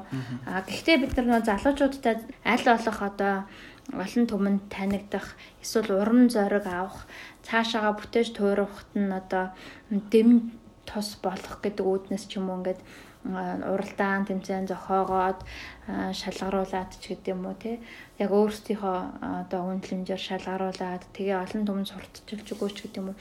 Залуучуудад зориулсан тийм бүр нэгэн шугамд бодлого явуулж байгаа л та. Тэгээ энэ маань энэ жил үргэлжлэн улам цар хүрээ үүссэн тий тэнд зориулж байгаа ач холбогдол нь ч бас өндөрсөн гэх мэтчлэнгээр бид нар ингээд залуучуудад зориулсан цогц бодлого явуулж байгаа өмнөх үеийн зохиолчтой ингээд эмгтгэхэд болохоор нөгөө бид нар ч ингээд мөнхийн ингээд цаашаа явж байгаа шүү дээ. Ингээд цаг хугацааны аялал хийгээд хувь хүний хувьд ч гэсэн нэгэн үеийн хувьд ч гэсэн эсвэл үндэснийхээ хувьд ингээд цаашаа улам ингээд ирээдүрөө ингээд алхаад өдөр алга ингээд урагшилж байгаа. А тэгтэл өнгөрсөндөө бүтээсэн бүх юмыг ингээд ачаандаа тэгнээд урагшлах боломжгүй тэмээ мал маань уйлтан те. Ачаах юм хитэрн те.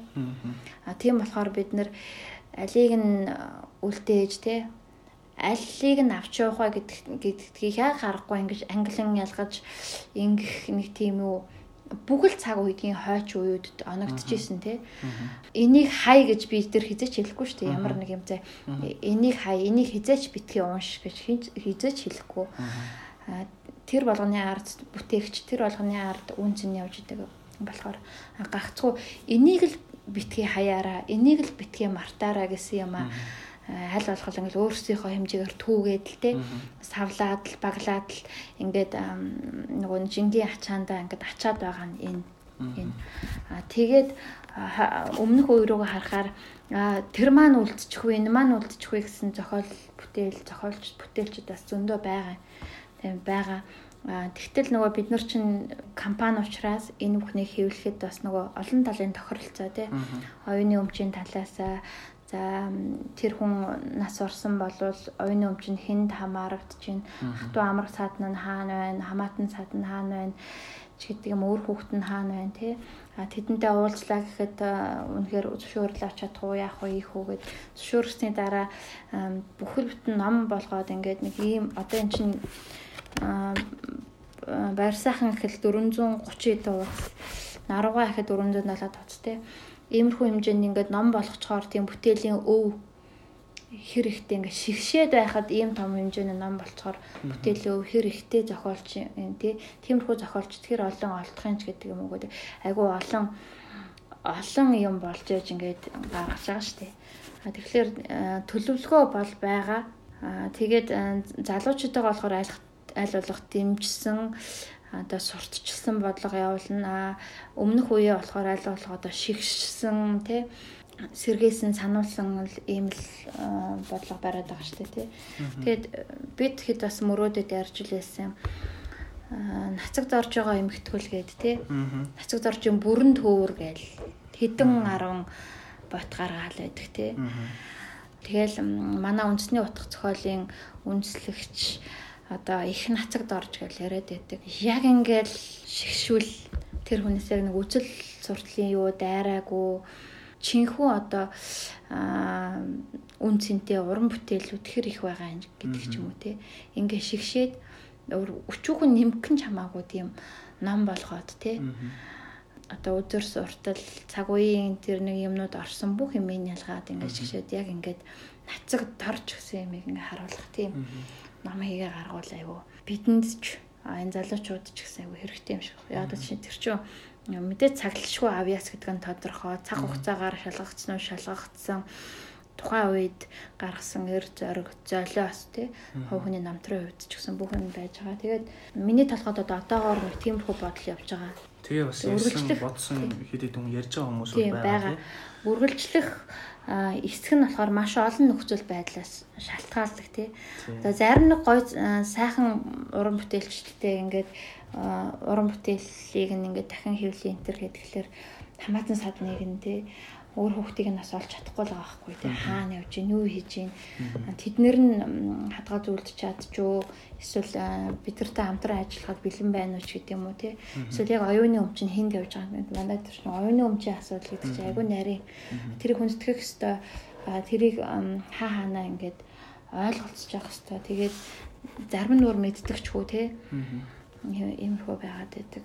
Тэгээд ташрын дуртахад бидэнд итгэж найдаж одоо энэ хоёр төв рүү штэ сармөрчин бол сармөрчин тэжээвэр хоёр төврийг гаргахад одоо бүхий л зохиол бүтээлээ бидэнд нээлүүлж өгч бидэнд итгэж найдаж ингэж бидэнтэй хамтран ажиллаж байгаа тий. За пүрвжийн байр сайхан зохиолж байгаа арга гэр үр хөвгтд нь за мөн төрийн сархалт зохиолч норуу ахта тийм талхайг норуу ахта одоо маш их баярлж байгаа. Тэгээ бид нар бас тэргүүлээд одоо Монгол зохиолчийн оюуны өмч, оюуны бүтээлийн үн цэнийг өсгөхөд өөрөхөд бас тодорхой хэмжээгээр хувь нэмэр оруулж байгаа гэж өөрсдийнхөө ажлыг төвлөж байгаа. Одоо би ажиллаа ярмаар байна. За. Ямар их ярьд ингэж. Одоо миний ажил л. Аа манайх сайтаа шинжилсэн. Пэйжийг дагдаг хүмүүс л мэдчихэж байгаа. Тэгээ сайт маань шинэ бүтцтэй болсон. За сайтынхаа бүтцийг бол голонх одоо дийлэнх хэсгийг нь бол уншигчдаа зориулж байгаа. Уншигчдад гэдэг бас тусдаа булан нээсэн. Тэгээд манай фэйжээр ирж байгаа юм уу бид нар илгээж байгаа материалыг бид нар аль болох өөрсдийнхөө зах сурыг оруулад хэл найруулгын үсгийн алдааг аштайхан засаа тэг аль болохоор оруулахыг хичээж байгаа.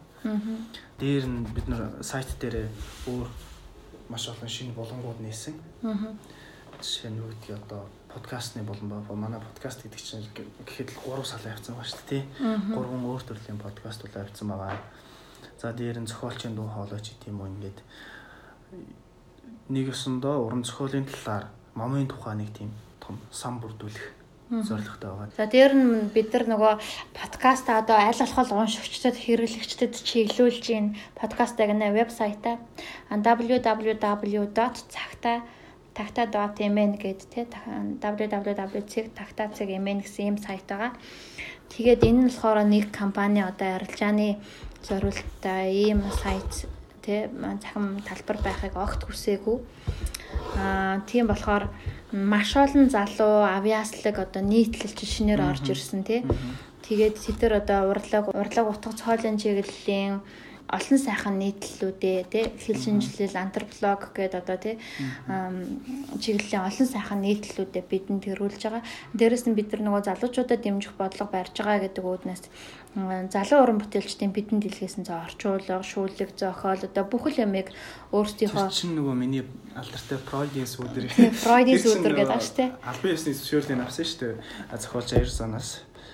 Тэгээд одоо тэр аяр заны нэг түрүү их нэг романд гардаг тий. Фройдийн сүдэр уу тэр Фройдийн сүдэрт өөрийнхөө зүүдийг бичдэг байхаа тий. Зүүдээ бичдэг тийм нэг булан байдаг. За тэгээд тэн дээр бас тав дээр нэг юу гарсан штэ. Фройдийн сүдэр ихтэй залуу бичиж байгаа хүмүүст айгүй эвгүй санаа байна гэд. Би болонгууд нөгөө зохиолдоо зохиол доторх тэр булан аваад үзэнгүүд маш гоё байгаа байхгүй юу. Тэр чинь зүүд гэдэг үл хинхтэй хизээч тавтагддаггүй.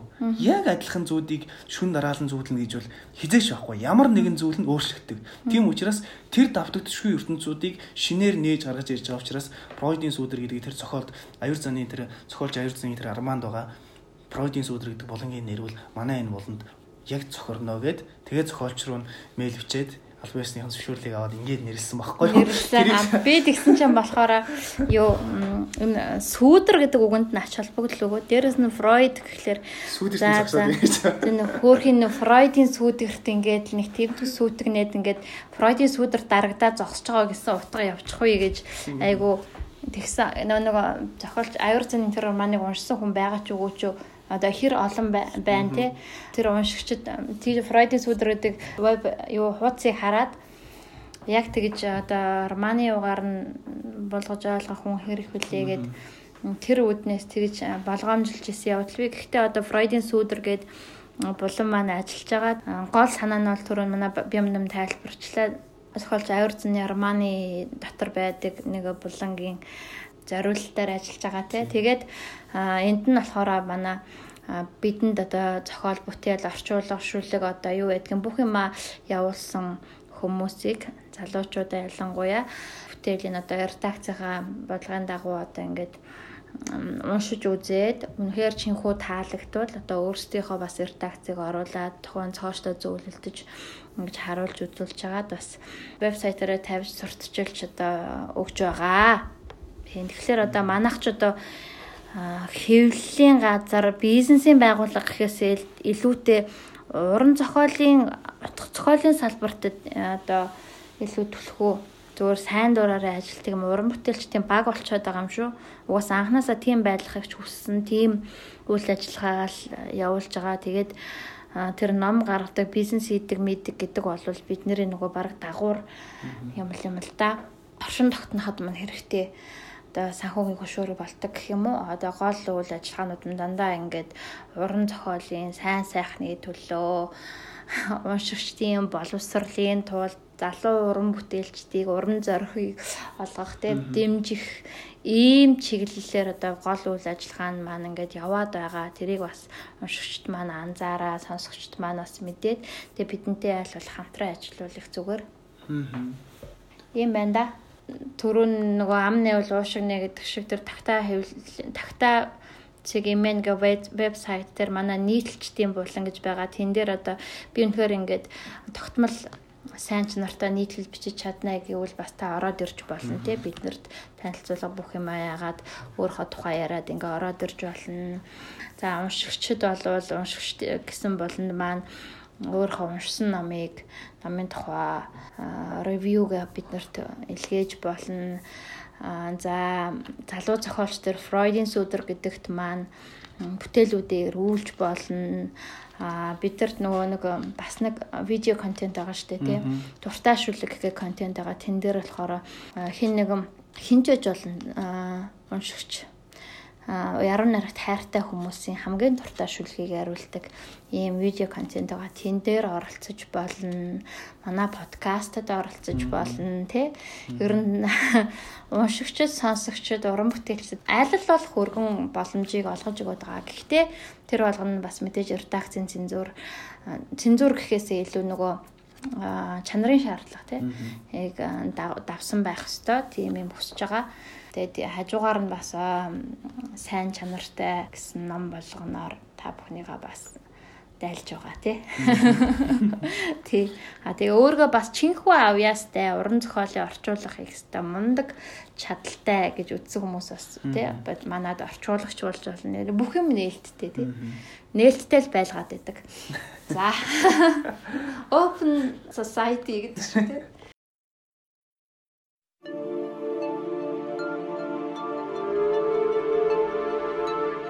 Зугаацах гэж, сургамж авах гэж, мундаг болох гэж бүү унш. Амьдрах гэж унш. Густав Флавер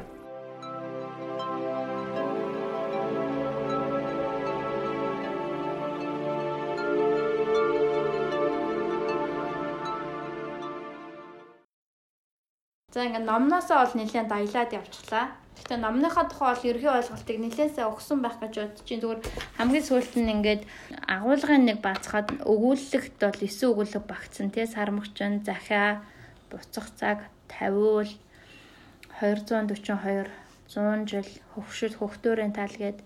За туужт нь болохоор нохоо автраг гэрэл хийгээ хүснэ жүжигтэн хөнгөрөөс альбан тий ингээд зохиолчийг өвүүлэг тууж жүжигээр ингээд танилцуулж байна тий. А би таар нөө подкастныхаа дундуур гой гой вар сайхангаа өөрийнх нь дуу хоолой сонсогчтой хүргэе гэж бас ярьж ирсэн шүү дээ тий. Тэрнийхээ дагуу нэр зохиолчийн өөрхөндөө зохиол бүтээлдээ баримталдаг зүйлсийн тий. Тухай тийм товчхон яриаг бас нэр хүргэе тий. Радиогийн хүн учраас радиогийн хүн болохоор та нэг тийм дикторийн хаалаатай хүн байгаа тий. Тийм сайхан одоо Ямар хоолой гэдэг нэр чинь? Арайч унзад биш ээ. Унзад биш ээ нэг тийм. Ир хонгор. Ир хонгор нь чааш. Ямар хоолой гэхэд нэр чинь? Нэг нэг тийм сайхан хөнгөсөн хоолойтой тий хүн байгаа юм тий. Аа тэгээд энийг болохоор бид нар Монголын радиог алтан цангаас авсан те нээлтэнд зориулж сайхан бид нар номынхаа хийсэн нээлтэнд зориулж За танд өдрийн мэнд төргий. За баярлалаа. Танд ч гэсэн өдрийн мэнд төшөөлье. Баярлалаа таны уран бүтээлийг ингээд ажиглаж байхад бас их жанрын хувьд янз янз байх юм л да. Дууны шүлгүүд байх юм, өгүүлэг эсэ байх юм, бүр кино жүжигчгэл байх юм. Та чинь бас нэг 10 орчим номтой ха тийм ээ миний мэд гадралж байгаагаар нөгөж байна. Тий нэг би одоо хотын онгон гээл намайг уншижсэний гайсан. Ирүүлэр болдог. Одоо 8 ном байна. Тэгээ одоо энэ жилдээ бас 2 3 ном гарч байх. Аа за за. Тэгээд бас сайхан дуунууд байна. 1900 88 онд та нэгдсэн үндэсний байгууллагын шагнал хүртэж болор тунгалаг хөвсгөлийн бохирдох хэсгүй гэдэг нэвтрүүлгээрээ олон улсын том шагнал авч исэн. Тэгэд би жоохон хүүхэд байсан л та. Тэгээ ингээд болор тунгалаг хөвсгөл тэлмэн нор идэр гол гэл дандаа одоо ус байгаль дэлхийгээ харгацсан хайрлсан сэтгэл зовнсон тийм бүтээлүүд өнөөдрийн удаа бас нэвтрүүлгүүдэд маань бас тусч юм л да. Аа. Тэгэхээр энэ бас санаа л да. Ер нь бол нэг манай Ахмад доод буурлууд ер нь ардын үгэнд ч байдаг шүү дээ. Хүн ихээс нүцгэн төрөөд их дэлхийдээ бас нүцгэн шингэнэ гэж. Тэгэхээр энэ хоёр нүцгний хооронд ч одоо байгальдаас юм одоо салаагүй байгалийн нэг сайхан агаараар амсгалаагүй ганц агшин мөчч байхгүй шүү дээ нүдний хараацлыг хэд чинь одоо нэг дөрвөн ханы донд байлаас дөрвөн хан нь бол байгалийн бүтээгдэхүүн байгаа шүү дээ. Байгалийн л одоо шугамдаар зүйлээр хийгдсэн нэг олоо сарсан шиг нэг хүнтэй уулзсан хөнгөлж бас өөрөө байгалийн бүтээгдэхүүн нэмэгээс гадна. Тэгэхээр бол хүн бол ерөөсөө байгаль. А гэхдээ байгалыг хэрхэн хайрлаж, хэрхэн дотгошоох нь ойлгож, хэрхэн түүнийг сонсож, хэрхэн түүнтэй ярилцаж, харьцаж байна гэдэг нь бас нэгэн өөр хогтон болоод явчихдаг л да. Тийм ч учраас таны одоо шинжлэх ухаан таны мэдхүйн нэвтрүүлэг бас энэ жил рүү нэлээд хандсан байдаг. Манай сонсогчид мэдж байгаа да ухаан таны мэдхүн нэвтрүүлэг шинжлэх ухаан радио нэвтрүүлгийн сан таны мэдхүн нэвтрүүлэг хорвоогоор аялах уу гэж байгалаар аялах, дэлгэр зэрэг аялах бас нэвтрүүлэг гэчлэнгээр энэ нэвтрүүлгүүд эрхлэгчээр ажиллаж байна. Аа. Радиод хүн орж ирээд нэг зөв чигтэй болчдөг юм шиг байгаа. Би одоо 25 жилийн өмнө ингээд орж ирснээр батхад бол мөн тэдэн шиг зав залуухан. Тийм ээ. Дөнгөж их сургуульд өсчихсэн. Нэг 22 3 тал одоо зол орж ирж байсан шүү дээ. Тэгэхээр тэд бас тэгж орж ирсэн байх. Тэгэхээр эцэг эхээс зөрөгтэй нүцгэн төрөөд одоо тэгээ эхлэх гэдэг гэж би сая хэллээ. Өөний хажуугаар эцэг эх нь бол хөлийн төрөөд гарын ганцганд хүргээд өгдөг. Анхны гიშгдлийн тийм ээ тэнцвүүлээд өгдөг. А тэгвэл Монголын радио бол тэр амьдралынхын замд нь тэнцвүүлж өгдөг учиртай юм шиг байна. Ингээд Монголын радиогийн сэтгүүлч хийсэн юм уу сурвалжлагчаар ажилласан хүмүүс бол ер нь Монгол гэсэн орон нутаг Монголын одоо бүх нутаг орон тэгээд их дэлхийгээр явах бүрэн болцоотой. Тэр хэрээрээ хүмүүстэй бол тэр хэрээрээ юм уу нүд тайлж ертөнцийг ойлгох ойлголттой болдог учраас радио бол би одоо авралын бурхан гэж ингэж одоо өөртөө энэ зүрхэнтэй хадгалж явдаг тийм тэдний нэг нь одоо энэ залуучууд бас өөрөөсөө өөрсдийнхээ эхний тэр нэг 10 жил ажиллаж байгаа хөх тэд чинь зарим нь зарим ч одоо 7 8 жил ажиллаж байгаа. Тэд өөрснөө үнийг ойлгоцсон байх болоо гэж ойлгож байгаа болоо гэж бодож байна. Аа. Тэгээд таны ингээд дуунуудыг сонсож байхад их шүлгэнж тийм юм хөглөж хөглөгдөж байгаа аялгуунч бас их тийм зөөлөн аргагүй өгүүлж байгаа санааж гисэн уул ус гэдэг их зөөлөн уянгатай юм. Гэтэл бас та зохиол бүтээлээ бичихтэй таны бүтээл бас хатуухан хилээд авсан зүйлүүд мэрсэр анзаарэгддэг л да. Гэхдээ ер нь бол зохиолч хүн бол ганцхан аястай байна гэж байхгүй л дээ. Өөрийгөө шаналгаж өөрийгөө бүр зовоож өдрөө төрсэн зарим зохиол бол маш хатуу хөтө болчихсон байдаг хонта миний тэр хотын гормоныг харж байгаа зарим зүйлд нэг сайхан зарим зүйлд нь бол үнэхээр одоо хүний сэтгэлийг нь ураад хайчихсан. ийм эрс эрс айхтар шийдэмгүүд гарсан. Одоо миний сүүлийн үед энэ нэг хэрийн судраар маань ч гэсэн одоо ингийн чин би үнэхээр хүн айс сүрдэх юм уу сэтгэл сэрэх юмэр гүнчил ертөнцид бас ийм байдаг юм а гэж дуу алдан одоо шархирхаар тийм атоот зүйлүүд их би. Тэгэхээр энэ бол тухайн зохиолын өөрийнх нь яаж зохиолчоо бүтээлчийг хөтлөж байгаагаас л болно. Би хатуу ишрэж хүсэхгүй зөөлөн бичнийг ч хармаахгүй. Ер нь л зохиол өөрөө яа төрдгөө тэр жамсан зэрэг төрдөг учраас. Аа. Тэгэхээр э, та бас Монголын радиогийн уран бүтээлчээс гадна Монголын радиогийн захирал байсан. Тэгэхээр уран бүтээлч байх, удирдлага байх хоёрын хооронд ялгаа их бий. Удирдлага энэ одоо ажил үргийг гүйцэтгэж явах үед уран бүтээлцээ магадгүй жахан хөндөрч гисэн тал ажиглагдчихсэн нь яг нь ер нь зарим үед тийм зүйл ажиглагддаг л да. Яагаад гэвэл энэ тэнд яа дандаа өөрийнхөө э, зүйлийг бодоод өөрийнхөө э, сансан зургаар яваад болдгоо яагаад гэвэл тэр чинь тодорхой нэг э, хүний өмнө тодорхой нэг хариуцлагын өмнө өөрийн тэр өөрөг байж байдаг энэ үед бол бас орхигдох цаг хугацааны явдал биелдэ тэглээ гэдэг ер нь бол одоо бүрэн орхиод бүрэн мартчихна гэж байхгүй. Хонда зарим хүн тэгдэг шүү дээ. Би завуу гарвал гэж. Тэгэхээр бас завуу гарвал бас тэр нэг аниг шүүрээд авчих. Гэхдээ 2 3 өдрөөр биш нэг 2 3 цагаар юм уу. Ганц орой ганц шөнө одоо онцгой нөрөө хугслаад ч юм уу. Ингээд одоо тэрэн дээр ажиллаад нэг цаг хугацааны алдаглал байхгүй шиг юм аа. Бүчтэй боломж гардаг.